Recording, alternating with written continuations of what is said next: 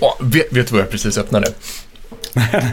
ja, jag fick, när, häromdagen när, när, jag, när jag beställde mat, om det var från Foodora eller någon av de här, så skickade de med en pep, eh, Pepsi Max med mangosmak.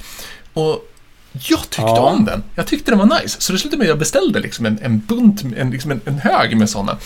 Ehm, så eh, det får bli mitt dagens sommartips. Eh, Pepsi Max med mangosmak. Vi är inte på något sätt sponsrade, jag bara råkade tycka om den. Ehm, Mm. Men alltså, det, det låter, spontant låter det fruktansvärt. Och jag är en person som gillar vanlig Vanilla Coke. Alltså, men jag, jag, tycker om, jag tycker om de här varianterna, liksom så här, Ja, Vanilla Coke eller Cherry Coke, eller där, och inte typ hela tiden. Man kan inte bara köpa 40 stycken och sen dricka dem, utan det är så här, någon gång ibland, som för att byta ut standarden. Cool. Men jag tycker det Eh, är nice. Ja, jag, jag, jag, gillar ändå, alltså jag tycker det låter, jag skulle inte vilja prova den. Men jag, jag förstår konceptet. Min, min eh, tjej har ju faktiskt, eh, och vid det här laget när det här släpps så är det säkert en utploppad bebis. Så hon dricker Coca-Cola Zero koffeinfri. Och det finns någon limit hur mycket koffein man får, får konsumera. Ja. hon tycker hon funkar, det är liksom placebon funkar. Ja, men min fru var ju på så här, hon är ju, alltså Charlotte är ju kaffe... Eh, Ja. hon, hon, liksom, det, det, är en, det, är en, är en religiös upplevelse för att dricka kaffe. Ja, jag dricker kaffe mer för så här, ja, men det är väl något med kaffe, men henne är det för viktigt. Och då fick man ju dricka typ två koppar kaffe om dagen, säger då, eh, vad heter de, Livsmedelsverket. Mm. Så då var det liksom en jättestor kopp kaffe på morgonen, var som en andaktsstund varje dag, och sen fick hon inte dricka mer. Då var det så här, det var viktig. Alltså hon dra- hon drack båda sina koppar i en kopp på en gång. Ja, ja, ja, ja. Ja, Jag, ja. jag tycker det här, det, det finns, vet du hur man ser skillnad på en, en liksom någon, en någon så här riktig tung kaffedrickare och en, en, en normal människa? Det är att man tar fram en sån här jättestor kopp och så frågar man, vad är det här för någonting? Och Om de säger att det är en tekopp, då är de en helt normal människa. Om de säger att det är en kaffekopp, då är de en tung kaffedrickare. För det är bara, jo men det går väl ungefär fyra koppar i den här. Men, Ja, men alltså, Det jag vet räcker inte. till frukost. Vi har såna här, är det Rörstrand? Jag vet inte, Rörstrand. Eh, jag vet inte om de Mm. kopparna vi har. Men de kaffekopparna är ju, vi har ju tekopparna som kaffekoppar. Men det är för att Ja, ja. kaffekopparna är ju löjligt små. Ja, ja. Förr i tiden man drack kaffekoppar pitti, pitti, pitti. Ja, Det- precis, precis. Det håller man ju inte vaken på. Ja, härligt.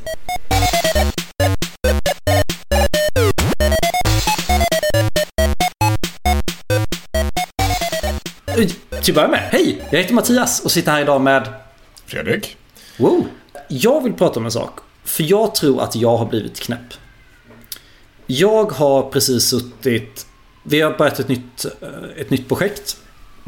Och precis suttit nu i två dagar och satt upp pipelines och eh, infrastruktur as code.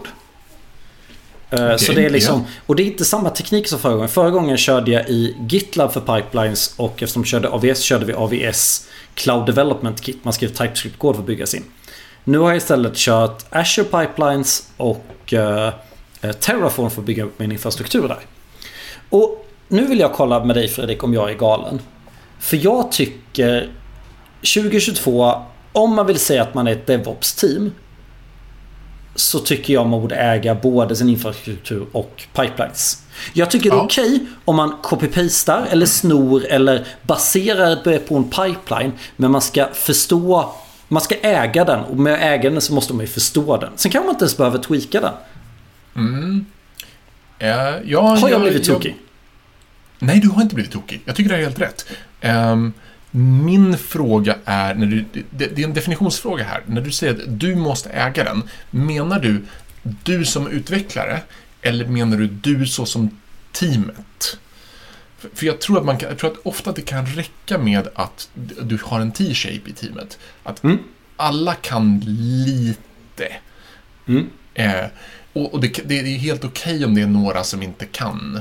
Eh, Nej, nej, men men, absolut. men att det finns liksom att det finns en T-shape i te- i- inne i teamet så att du inte behöver Mm. förlita dig på någon annan utanför. Det kan jag tycka räcker. Och speciellt ju, ju större teamet är desto, desto mer tycker jag att alla borde kunna lite. Alltså, eller Ja, jag, jag tycker man det ska är alltid se till att det finns mer än en som kan det. Liksom. Ja, jag tycker lite det du säger är lite spännande då. För då ska jag vara lite edgy då. Jag Mm. tycker att nästan den här rollen jag är DevOpsare. Jag är E-shaped inom DevOps. Jag tycker, jag vill påstå att så länge man inte håller på med Kubernetes eh, Asterix. Eh, så tycker jag att det borde inte vara en som är E-shaped inom DevOps. Antingen att någon är T-shaped inom... För skälet, det jag menar då. Eh, jag som webbutvecklare vet ju att man behöver slå på GZIP. Det är jag som vill kontrollera hur mina CDN ska funka, hur, lång, hur länge ska vi cacha filerna. För att mm. det är mm. jag som förstår vad det här får för impacts. Hur länge mm. ska man skicka ut den gamla index.html? Till exempel. Ja, alltså, jag, jag, är helt med dig. Jag, jag tycker att det här konceptet som man har börjat hitta på idag, att man har någon som har rollen av DevOps. Det tycker jag egentligen är liksom en, det är lite av en så pervertering av, av de här rollerna. Alltså, ja. Det, det det borde vara är att det som borde ha hänt och det man borde återspegla här i namnen på rollerna är att den som har nu fått den här DevOps-rollen är egentligen en 2022 års version av, en, av någon som jobbar med OPS. Och mm. det ska, ska vara okej okay att vara det.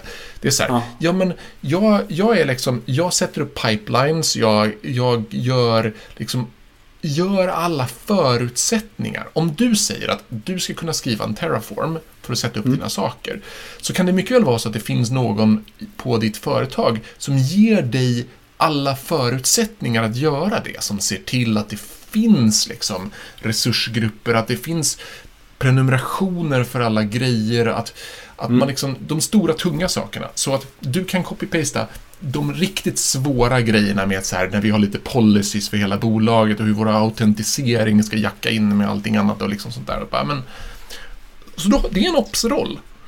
Men vill du, ha, vill du ha en sån opsare i, vill du ha den personen i teamet då? I alla team typ, eller i många nej, team? Nej, det tycker jag inte.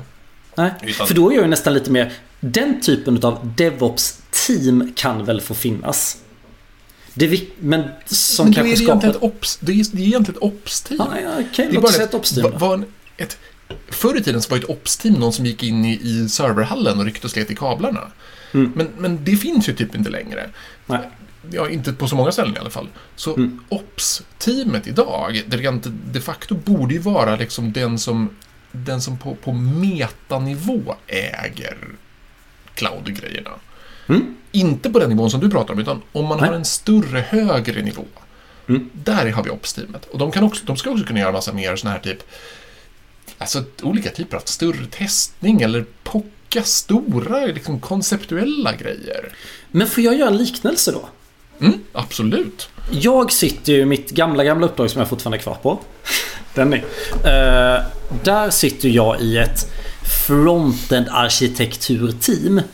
Uh, vi handahåller microfrontend-kärnan. Den sidan man går till som bestämmer vilken microfront som ska vara startad. Men vi mm. äger också komponentbiblioteket.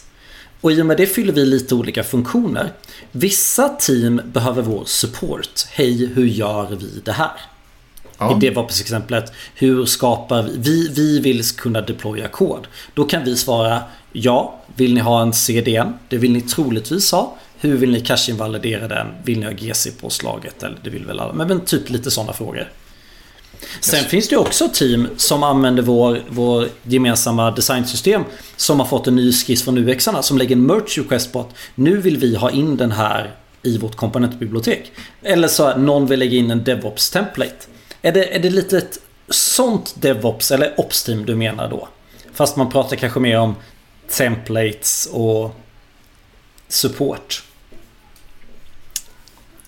Tänker jag rätt då? Jag tror, jag, jag tror egentligen det enda jag ville säga. Jag tror det där måste vara från företag till företag. Vad liksom, vilken, alltså vilken nivå av frihet man har i, i teamen. Det kan ju vara liksom... Ursäkta mig, men när man DevOps, då tar man ansvar för sin skit. Då får man ta full frihet. Ja, men, det men kan det ju finnas lite governance såklart. Men... Ja, men precis. Det kan finnas, men det kan finnas saker så som att, att ni har möjlighet att köra saker i Terraform och sätta upp alla era cloud-grejer. Men ni kanske inte får exponera ut dem mot internet. Utan ni kanske måste eh, ni kanske måste förhålla er till en, en load balancer eller någon typ av yttre säkerhetswall. Mm. Eller förhålla er till tunnling mellan cloud on-prem eh, system eller olika typer av säkerhetsgrejer. Det, det kan finnas yes. saker som är liksom så fort vi egentligen och touchar på något som har med säk att göra så är det mm. liksom över vårt huvud normalt sett. För att det är liksom en helt annan, en hel, en helt annan värld av saker att tänka på. Så det kan ju alltid finnas så att det finns någon en, en, även om du är ganska fri så kan du vara fri i en box. Liksom. Ja, yes, absolut. Nå någon behöver definiera boxen. Köper Mm. Nej, men för, för skälet, och jag tycker nästan du bekräftar då att så här, det är inte något som normala webbar kan kanske. Men det borde, kanske- vara, borde vara mer i alla fall. Jag, jag tycker verktygen börjar bli så bra nu. Eh, sen så är det inte... I, I Azure DevOps kan du drag and droppa pipelines. Vi skriver ju det direkt i YAMLen istället. Men, men jag tycker de här verktygen börjar bli så bra att det börjar bli så lätt att copy-pasta att alla borde kunna börja göra det här. Min, min spaning är att fler frontenutvecklare borde lära sig det här för att verktygen har blivit så bra att fler borde kunna det. Mm, men jag vill, då vill jag droppa en kontroversiell motfråga här. Ja, kör. Ja, om du sitter i, i frontend-arkitekturteamet och, Ja. och bygger en mikro-frontend core Mm. eh, som liksom kopplar ihop eh, olika mikrofrontends och, Mm. och ger liksom förutsättningar. Är du verkligen frontendare då? Eller är du, li, är- du typ lite, egentligen lite backendare bara att din kod råkar köra i browsern? Alltså, rent konceptuellt så sitter du till en väldigt stor del med väldigt teknisk kod och väldigt lite med utseendet och kundnyttan. Det som man kanske Mm. traditionellt sett har förknippat med frontändare. Ja, jag skulle vilja lite säga emot. Om vi, om vi börjar där då. Jag, så här, gränsen mellan frontend och backend blir ju tunnare och tunnare. Jag Ja, skulle säga att det stora skillnaden mellan frontender och backender idag det är att det är olika typer av runtimes. Alltså är du frontender behöver du kunna hur en browser funkar. Är du en backender behöver du lite mer kunna hur säkert funkar. Skitsamma, det var inte det du frågade. Eh, så här. Eh, du frågade... Mm. jag ville bara jag är ett rollerna har morfat om sig. Jag frågade här i kontexten att jag kom in nu, där- för för jag frågade i kontexten om mitt nya, nya uppdrag. eh, Där min uppgift är att skapa en liten microfrontend som ska bli web component. För att sätta ett mönster för hur man skapar microfronten som ska bli web components. Så jag skapade kontexten, jag är vilken utvecklare som helst. Sen har jag ett mål Mm. att det här ska bli något copy-paste-bart. Eh, Men, men jag säger det här helt ur att vi skapar en liten bit kundnytta. Och när vi gjorde det så, så copy-pastade vi de bra bitarna och slängde de dåliga bitarna från ett annat teams Terraform och Pipelines. Vi kunde ju inte det. Vi copy-pastade och sen ägde det.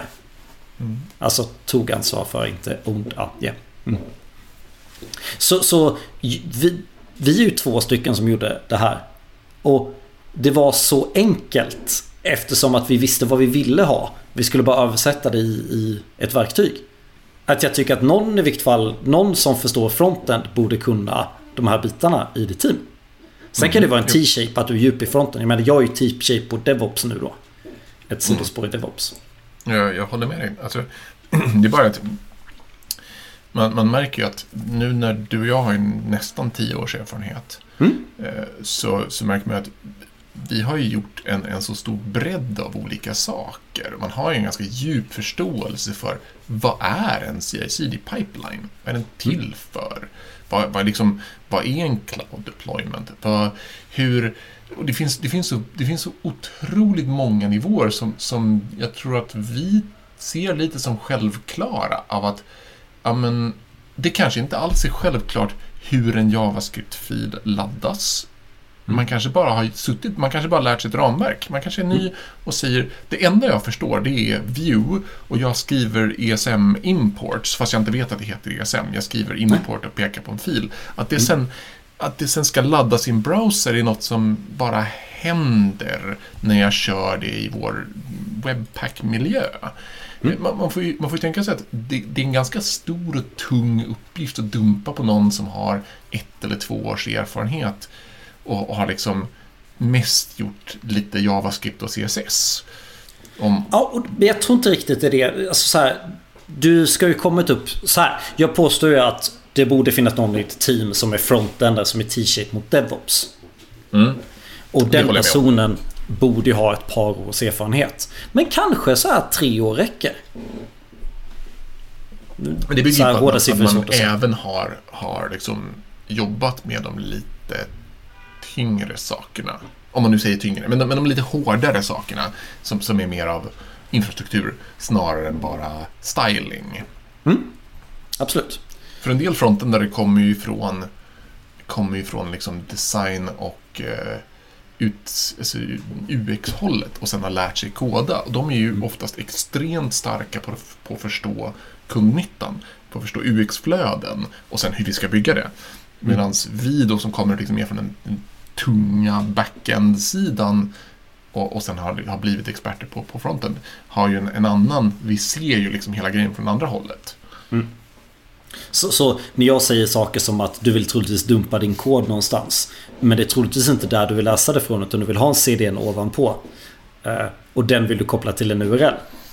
Ha, har jag blivit, du, du, då bekräftar du nästan att jag blivit lite galen att jag Du förväntar har mig. blivit lite galen. Mm. En blindhet som uppstår när man blir för bra på någonting. När man blir expert så är det lätt att tro att det här är någonting som alla kan. Ja, men, det är därför jag frågar. För, för, för det har ju blivit, för, för skälet till att jag tar upp det. det är ju, jag, jag vet att jag har blivit lite galen, det är därför jag väljer att ta upp det. Men jag tror också att verktygen har blivit så bra att jag på, vill påstå att fler borde kunna det då. Och det håller jag med om. Absolut. Mm. Eh, Och jag, jag vill ändå inte tro att jag blivit helt tokig när vi, gör, när vi börjar slänga upp exakt samma saker fast vi gör det inte längre för JavaScript-kod utan vi gör det för backend-kod vi vill köra. Eller det är fortfarande JavaScript-kod men vi kör nu backend. Att vi börjar prata, att vi nu har börjat liksom slänga upp vår första Azure Function som vi vill liksom kolla att den är, kunden är inloggad på Azure AD och så vidare. Jag använder, nu börjar jag använda mina DevOps-kunskaper till att göra, tillämpa det på något helt annat, vilket då i det här fallet råkar vara backend-kod. Mm. Som, där det inte alls bara är en statisk storage. Då känns det som att så här, om jag kan förstå det, då kan det inte vara helt... Då måste det vara ganska lätt.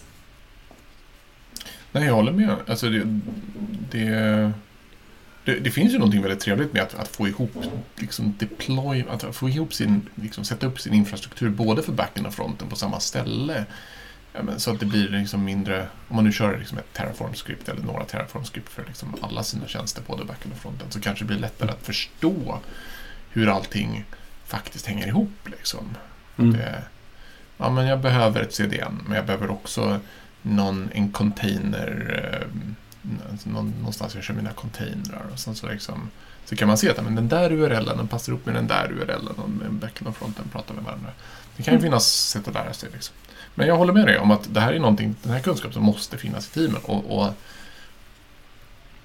om man ska kunna släppa saker snabbt, sådär som man alltid pratar om det agila, så, så kan man liksom inte förlita sig på att det finns någon annan någon annanstans som, som ska komma och göra templaten åt den och sen ska, fattar ingen vad det är för någonting. Får jag, får jag berätta en rolig sak då? Eh, det är ju... På, på nya kunder så har jag fått med mig en, en AV-kollega. Så vi sitter och parprogrammerar mycket.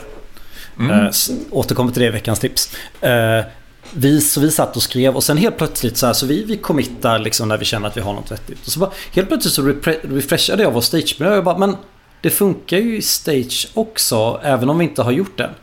Jo, jo, just det. Vi committade ju för fem minuter sedan.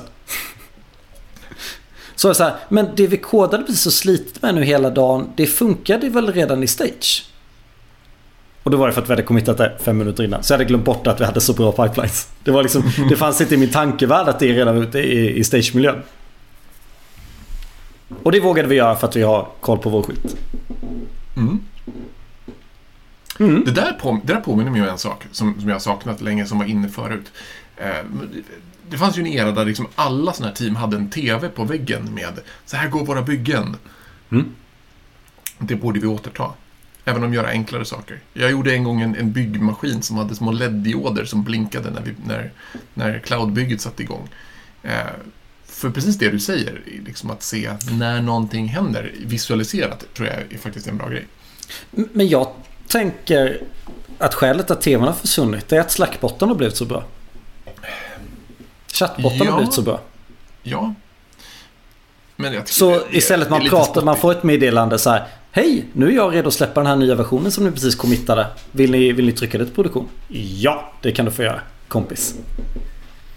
Jag hade en period när jag höll på med, med, med eh, chattbottar.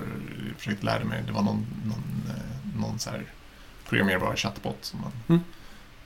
Men för, för konceptet är helt coolt. Liksom. Man, man gör sin, man gör releasen till prod genom att säga release i botkanalen. Liksom. Eller typ general-kanalen så säger man do Fast- release av bla.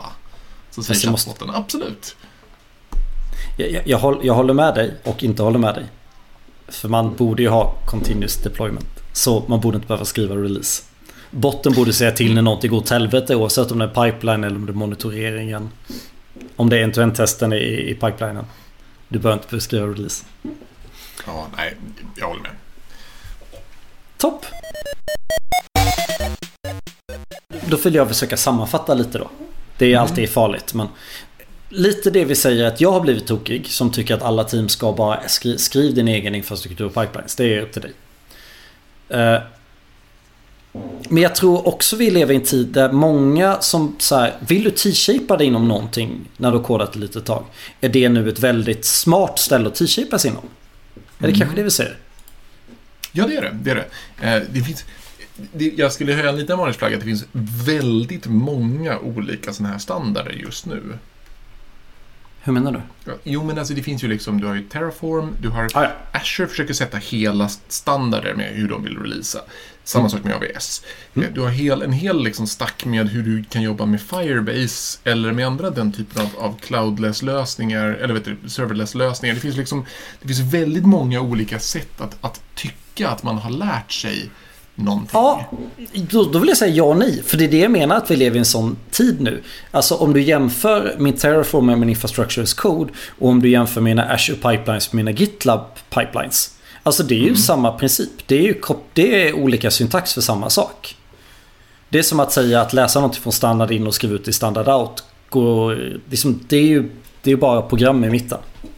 De vill åstadkomma samma sak. Sen är det syn- olika syntax och det finns lite olika saker. Men du vill åstadkomma samma sak.